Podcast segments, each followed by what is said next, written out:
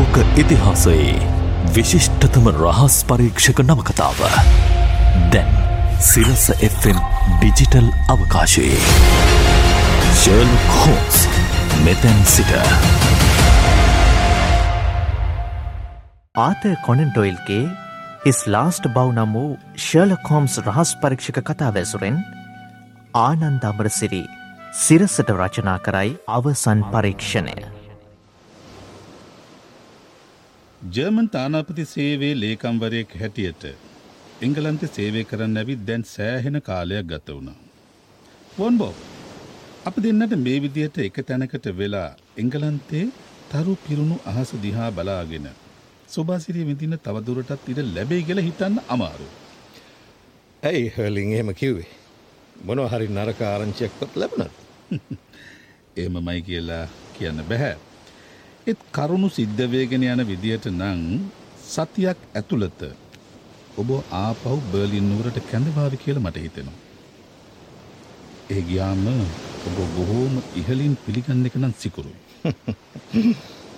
එංගලන්තය අය බොහොම ලේසියෙන් මුලාවි දමණ්ඩ පුළුවන්.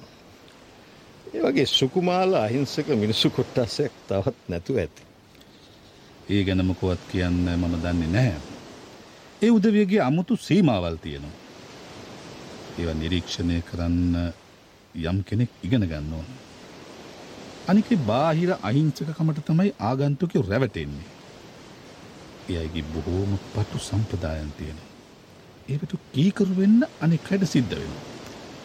විශිෂ්ට ආකාරයෙන් වැඩ කිරීම වගේ දේවල්නේ දේවයින් අදහස් වෙන්. ඉංග්‍රීසි කාරයන් හැම්ම දේකදීම පෙන්වන අගතිගාමී කමත්. ඒ වගේ එක සම්ප්‍රදායක් තමයි. එංගලන්තෙට ආපු මුල් දවස්වල මට එක්තරා ඇමතිවරයෙක්ගේ සාධයක්ට සහභාගි වෙන්න කියලා ආරාධනාවක් ලැබුණ. එක තිබුණේ මේ එයාගේ ගම්බද නිවසේ. කෙරුණු කතාබහෙ කිසිම රහසිගතකමක් තිබුණේ නැහැ. ඔය සාදයට මමත් සහභාගි වුණා. මට ලැබෙන තොරතුරුවල සටහනක් බර්ලින් නුවරට යවන එක මගේ සිරිතක්. අපේ චාන්සලවරයා මේ වගේ වැඩවලදි ටිකක් කලබල වෙනවා. රහස් පණවිඩ මගින් තොරතුරු යවද්දී එයා එක් සඳහනක් කරලා තිබුණා. ඒකින් හෙළි වුණා ඒ සාදේදි කතා බහා වුණු සියලූම දේ අපි බර්ලින් නුවරට වාර්තා කළ බව. මම අමාරු තත්ත්වයකට පත් වුණා. එක ප්‍රතිඵල හැටියට මම කරදර ගොඩකට මූුණ දුන්න. ඉංග්‍රීසිකාරයන්ගේ කිසිම මුදු මොලොක් ගතියක් නැහැ. ඒත් ඔබ ඉංග්‍රිසිකාරයන් ගැන සාධාරණව හිතනවා. මම උපතින්ම සාධාරණ විනෝදකාපි. ඔබ ඉංග්‍රිසිකාරයොත් එක්ක බෝට්ටු පතිනවා. දඩේම යනවා. පෝලෝ සෙල්ලම් කරනවා. හැම්ම සෙල්ලමකදීම ඔබ කරට කරතරණ කරනවා. ඔබට අයිතිහාසය කරත්‍රේසිකෙන් දිනවා. සුළු නිලධාරීන් එක්ක ඔබ බොක්සින් පීඩා කරනවා කියලත් මට ආරංචි. මේ නිසා ඔබේ තත්ත්වය හැල්ලු වෙනවා කියලයි මට හිතෙන්නේ. ඔබේ මත් පැන්සාද රාත්‍රී සමාජශාලා ජීවිතේ නගර සංචාර නිසා ඔබ නියම ඉලන්තාරියෙක් කියල මිනිස්සු කියයි. ඒත් මේ ගෙදර කෙරෙන වැඩදිහා බැලුවම යුරෝපය ඉන්න දක්ෂතම රහස් ඔත්තුකාරයා ඔබ බවපේන. අනික එංගලන්තේ ආරවුල් වලින් භාගයක්ම පටන්ගන්නේ මෙතනින් නේද. ඔබ මාව වර්ණනා කරනවා වැඩි ඉහලින්. මේ රටේ ගතකරපු හතර අවුරුද්ධ නිෂ්පල වුණේ නෑ. මම කවදාවත් ඔබට මගේ රහස් ලිපි ගබඩාව පෙන්නල නෑනේද. යමු ඇතුළට. මං අද ඒක ඔබට පෙන්න්න. එන්න.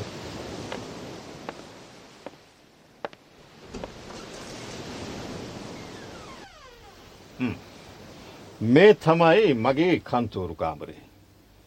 පොඩ්ඩක්කින්නකෝ මම මේ තිරරෙදි පහලට අදිනකං ආ දැන් හරි. සමහර රහස්වාර්තා මගේ නෝනාතේ යැව්ව මම ජර්මනීට. එත් බොහොම වැදගත්වාර්තා මේ කාමරේ තියෙනවා. මම හිතාගෙන ඉන්නේ තානාපති කාර්යාලෙන් ඉල්ලීමක් කරන්න මේවට ආරක්ෂාව සපයන්න කියලා. තානාපති කාර්යාලයෙන් ඔබට ඕනම උදවක් ලැබෙයි. එංගලන්තය යුද්ධෙදිත් අනියොම සටන් කරනවද අනෙක් රටවල් වල උදව් ඇතිව සටන් කරනවාද කියලා ළඟදීම තීරණය කරාවේ. ඒත් ඒක එයාලගේ වැඩක්. කොහොම වුණත් යුද තත්ත්වයකදී ඔබේ වාර්තා බොහෝම වැදගත්වේවි. කෝබි රහස් ලියවිලි තියෙන සේප්පුව තවමත් ඇරිය නැහැනේ. ඉන්නකෝ මම මේ යතුර අරගන්නක හරි මේ තියෙන්නේ අතුර දැන් අරිමු ඔන්න හලින් දැන් බලාගණ්ඩ මගේ වැඩවල ප්‍රතිඵල ෂා අපුරු වැඩක්නේ. සේප්පු ඇතුළේ පුංචි රාක්ක. ඒව පොඩි කාමරවලට බෙදලා නම් කරලා. කොබලන මේ නම්මනෝද කියලා. වරාය ආරක්ෂාව.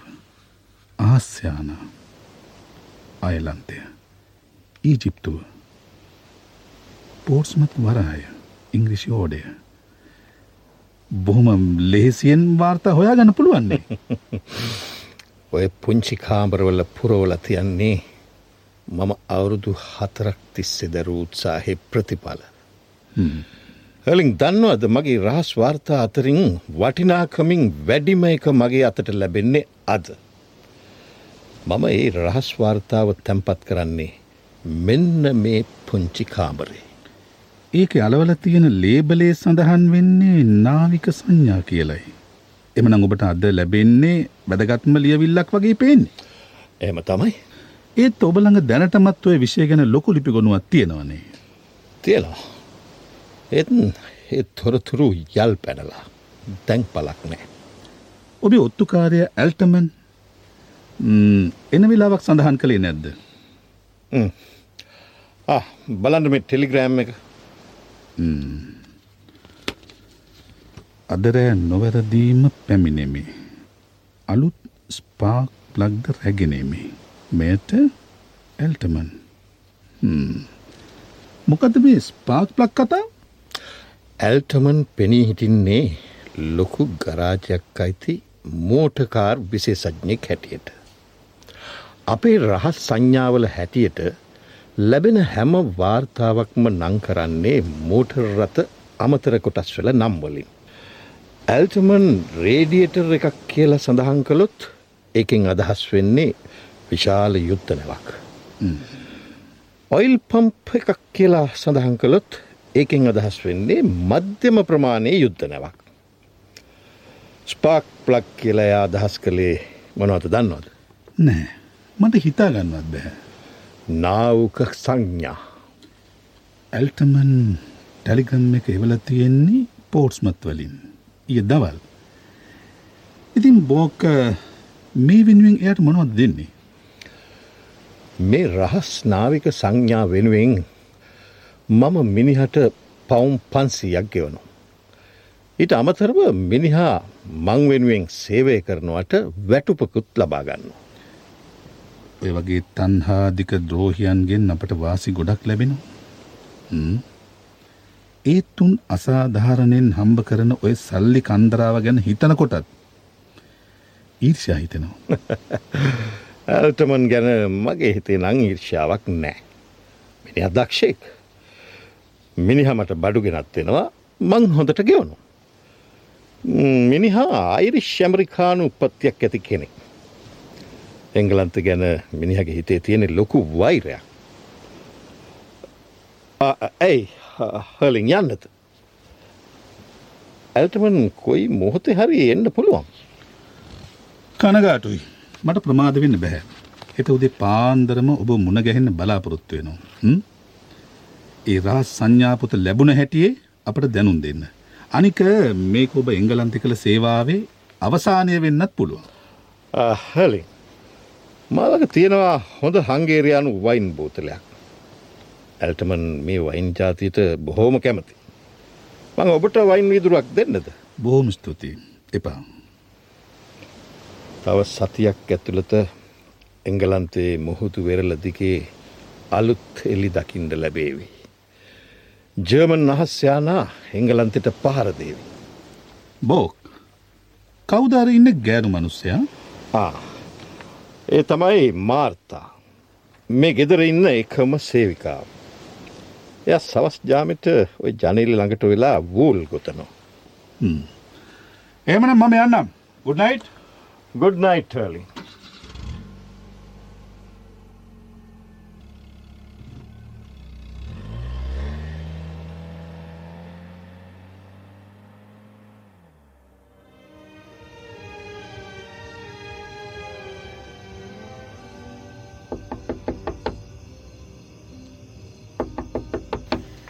මහත්තයා අමුත දෙන්නෙක් ඇවිත් ඉන්නවා මහත්තයා මුණ ගැහෙන්න. එන්න කියන්නද? ආ හොඳයි එන්න කියන්න. හරි ඔය ඇවිත්තින්නේ ඇල්ටමන් වෙන්න ඕන. මිනිහ පොරොන්දුවන විදිහට රහස් සංඥාපත ගෙනවත්තන්නේ. කොහොමද මිට. බෝක් ඔන්න මං කියාපු වෙලාවට මාවා බලන මේ මගේ අතේ තියෙන්නේ මං කියාපු ස්පාක් ප්ලක්ස් ටික. ඒ කියන්නේ එංගලන්ත නාවක හමුදාවට අයිති රහස් සංඥා වාර්තාව. එහම නේද. ඔවු. හැබැයි ඔරිජිනල් එකක් නෙවෙයි. පිටපත් කරපු එකක්. මේක තියෙනවා කොඩිවලින් දෙන සංඥා ලාම්පුවලින් දෙන සංඥා. එතකොට මාකෝනි ක්‍රමයට දෙන සංඥා. මේක මුල් වාර්තාව ගන්න කවදානම් එනිසයි මම පිටපතක් ගත්තේ. මේක සීයට සීයක්ම නිවැරදි. ඇල්ටමන්ගේ වැඩ ගැන මට විශ්වාසයි. එක නෙමේ මිට. බෝක්. මේ ගිය අත්තරල යන සෝදනම් වෙනවද? හෝ බඩු මුට්ටමොනුවත්ම නෑනේ. අනික මේ සේප්පු ඇරලා තියෙනවා මීට කලින් මන් දැකලා නෑ. රහස්වාර්තා මේක ඇතුළේ තියෙනවා කියලා මම නම් කවදාවත් හිතුවේ නෑ. මේක හරිම අවදානම් වැඩක්නේ ඔය සේපු අරින්න කාටවත් බැහැල්ටමන් මේ යකඩ රාමුව කපන්ඩ පුළුවන්කමක් නෑ. එතකොට අගුල කොහොමද මේක දෙත්ත සංයෝජන ක්‍රමයට සකස් කරපු ලොක් එකක්. මට එක තේරුන්නේ. ලොක් එක විවෘත කරන්න නං වචනයකුත් ඉලක්කං කිහිපයකුත් යොදාගණ්ඩ වෙනවා. මේ යතුරු සිදුර වටේ තියෙන රවුන් දෙකින් එකක් වචනවලට අනික ඉලක්කම්වලට ඒව කරකවලා අදාළ රහස් වචනයයි ඉලක්කම් ටිකයි හදාගණ්ඩුවන. ඒක හරි අපූරුවගුලක්නේ. හොඳයි මේකේ රහස් වචනයත් ඉලක්කම් ටිකත් මොකක්ද කියලා ඇල්ටමන්ට හිතන්ඩ පුළුවන්ද. ඒක ගැන නම්මට කොහොමවත් හිතන්න බෑ. ඕගස්ට් කියන වචනය තමයි මම මේක රහස් වචනය හැටියට පාවිච්චි කරන්න. ඉලක්කං හැටියට එකයි නමයයි එකයි හතර පාවිච්චි කරනවා. ඒක නං අපූරු රහස් අක්ෂර සංයෝගයක්. ඒත් ඇයි ඒක මට කිව්වේ. එතකොට රහස් එලි වෙනවනේ. හෙට එලි වෙනකොට මම මෙහෙන් නැහැ. පාන්දරින්ම මම පිටත් වෙලා යන. ඉංග්‍රිසිකාරයාගේ පස්ස බිමෑනෙන හැටි ඈත රටකට වෙලා බලා ඉන්න මමත් කැමති. ඔබ ඇමරිකානු පුරවැසියෙක් නේද.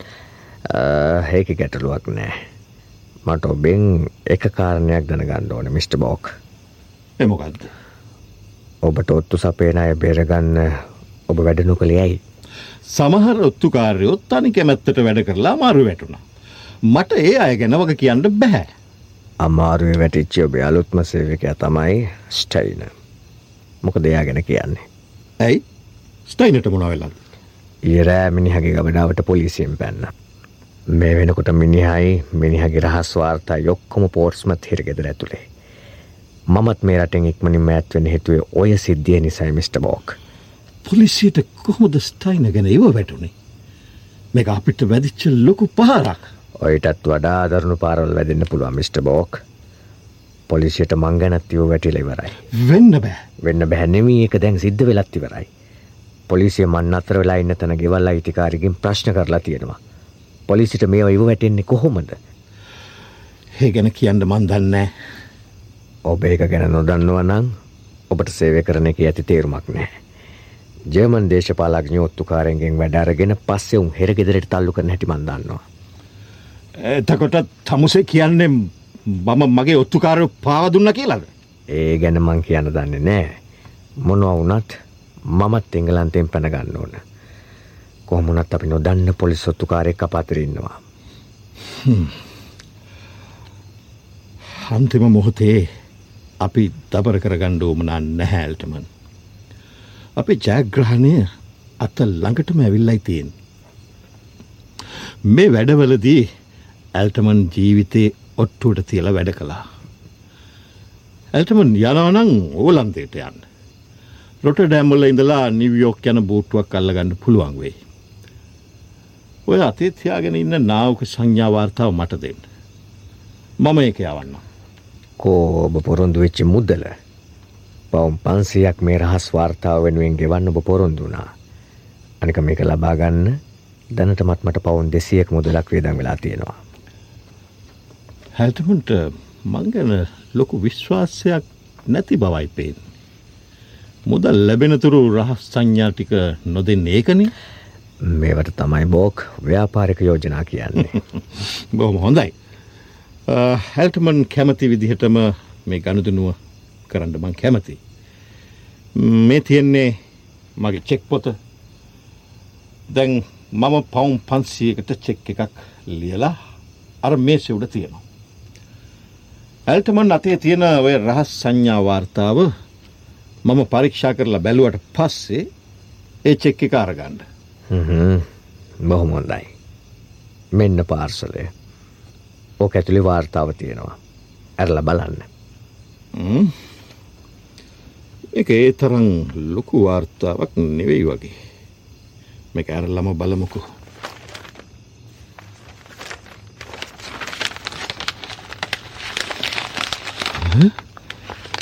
තියෙන එමොකත් මීමැසි පාලනය පිළිබඳ ප්‍රායෝගික අත්පොත. ඇල්තමන්? ඇල්තමන් මොකක්ද මේ?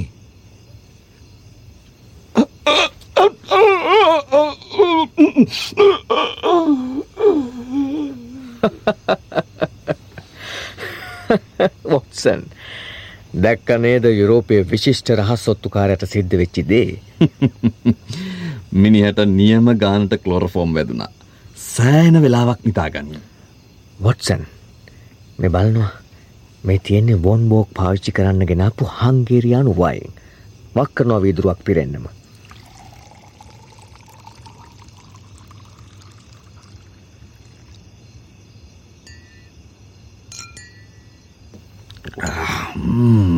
ෂා නියම වයින් ජාතියක්නෙ හෝම්ස් ශොහෙන් බරූන් මාලිකාවෙන් ගෙනාපුවා කියලායි බෝක් මට කිව්වේ.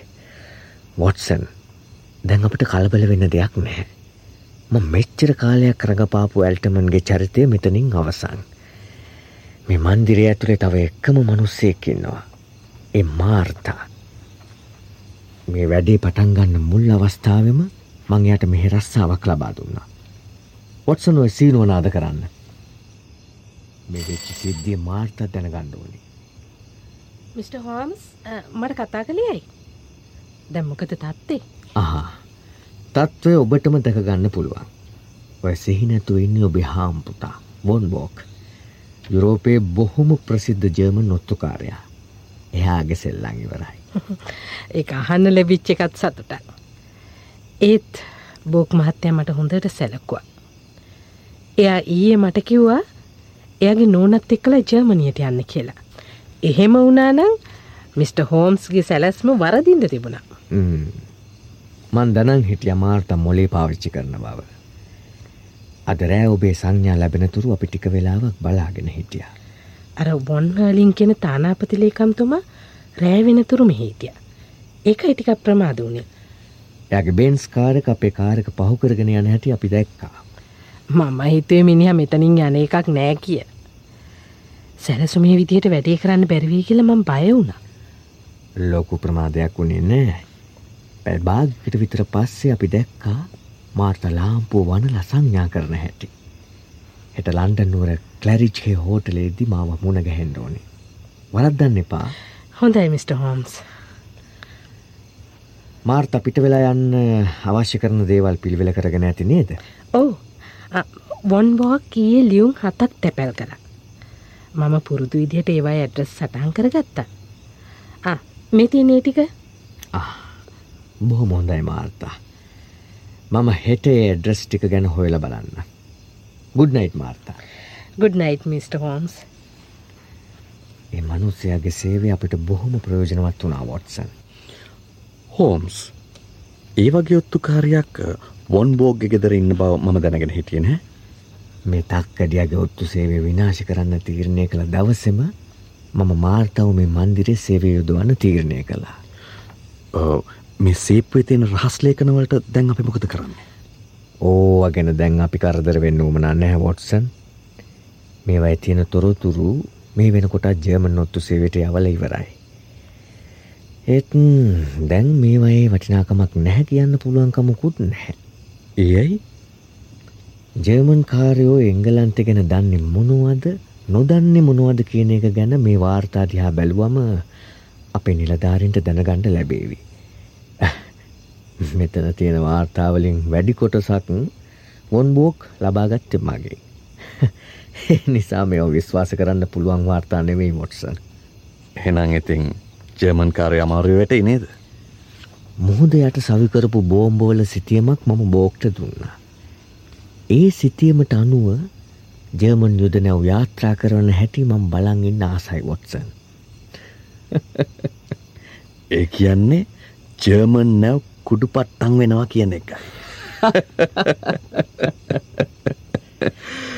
හෝම්ස් මටනන් දැනෙන්නේ ආයෙත් විසි අවුරුද්ධකින් තරුණ වුණා වගේ.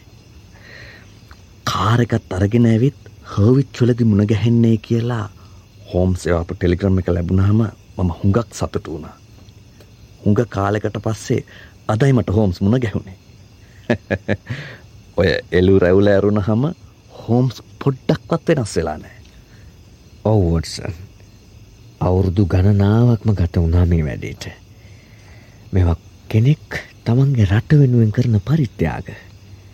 දැඟිතින් කොන්්ඩෙ හෙම කපාගෙන බාහිර පෙනුමට්ටිකක් වෙනස් කරගත්තම ඇමරිකන් කාරෙක් වෙන්න කලින් හිටපු ඉංග්‍රීසිකාරය වෙන්න මට පුළුවන් වේවි. මටනං ආරංචි වනේ හෝම්ස් රහස් පරීක්ෂණ වැඩවලින් විශ්‍රාමාරගෙන සෞත් දෙවන්ස් පලාතේ පුංචි ගොවිපලක මීමැස්සං ඇති කරමින් බොහොම නිහඬ ජීවිතයක් ගත කරනවා කියලායි. හාරියට හරි. ඒ ආරංචිය නිවැරදි. ලන්ඩන් නුවර අපරාධකාරයෝ ක්‍රියාත්මක වෙන ආකාරය නිරීක්ෂණය කලා වගේම මම මීමැස්සන් ක්‍රියා කරන හැටිත් බලා හිටිය වොටසන්. හෝම්ස් කොහොමද ආයෙත් මේ රහස් පරීක්ෂණ කටයුතුවලට සම්බන්ධ වන ඒක නම් මටත් පුදුමයක්. විදේශ කටයුතු භාර ඇමතිතුමාට බැහැ කියන්න මට පුළුවන්. ඒත් අගමැතිතුමා මාව හොයාගෙන ගෙදෙට්ටමාවම මොකද කියන්නේ. අපේ රටේ ඔත්තු සේවය අවුල් වෙන්න පටන් ගත්තා. ඔත්තුකාරයෝ මැරුම් කෑවා. ඒත් ඒකට හේතු අපට හොයාගන්න බැරි වුණා වොටසන්. මොකක් නමුත් රහස් සංවිධානයක් ක්‍රියාත්මක වුණා. මේ ඉන්න මොන් බෝක් තමයි ඒක නායකයා. මේ ගැන පරීක්ෂණය කරන්න කියලා ඉහළ තැන්වලින් මට බලපෑම් කළා. අවුරුදු දෙකක් මේ වැඩට ගත කරන්න මට සිද්ධ වුණා. චිකාගෝ නුවර රහස් සංවිධානයකට බැඳීමෙන් මම වැඩි ආරම්භ කලා වොත්සල්. වොන් බෝග්‍ය ඔත්තුකාරයෙක් මං ගැන පැහැදිලා බෝක්ට මාව හඳුන්නලා දුන්න. මට මිනිහගේ ඒජන්තලා පස් දෙනෙක්වම හිරගෙට යවන්ඩ පුළුවන් වුණා. අහා. අප මිත්‍රයට දැන් සීයනවා වගේ. දුෂ්ටයා. ද්‍රෝහිය.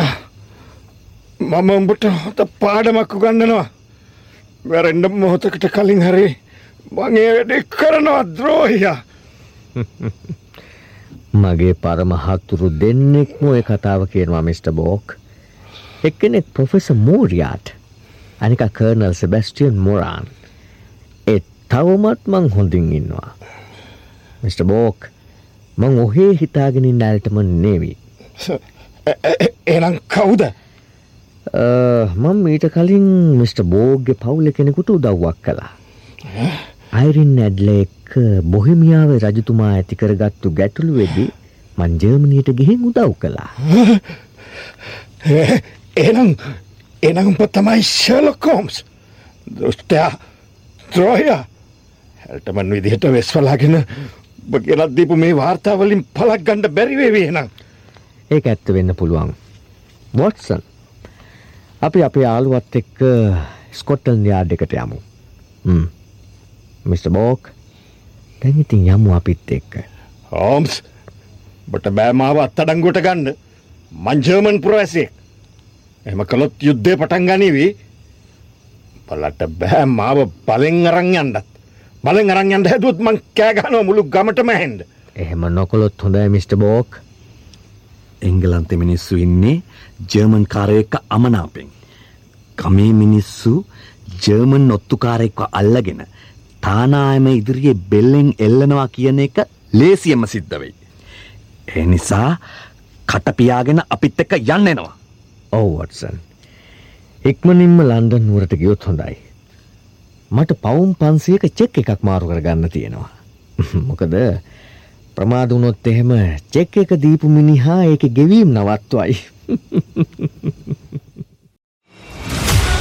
ෂර්ලොක් හෝම්ස් සෑම අඟහරුවාදා සහ බ්‍රහස්පතින්දා දිනකම සවස හතරට සිරස FM YouTube නාලිකාව ඔස්සේ.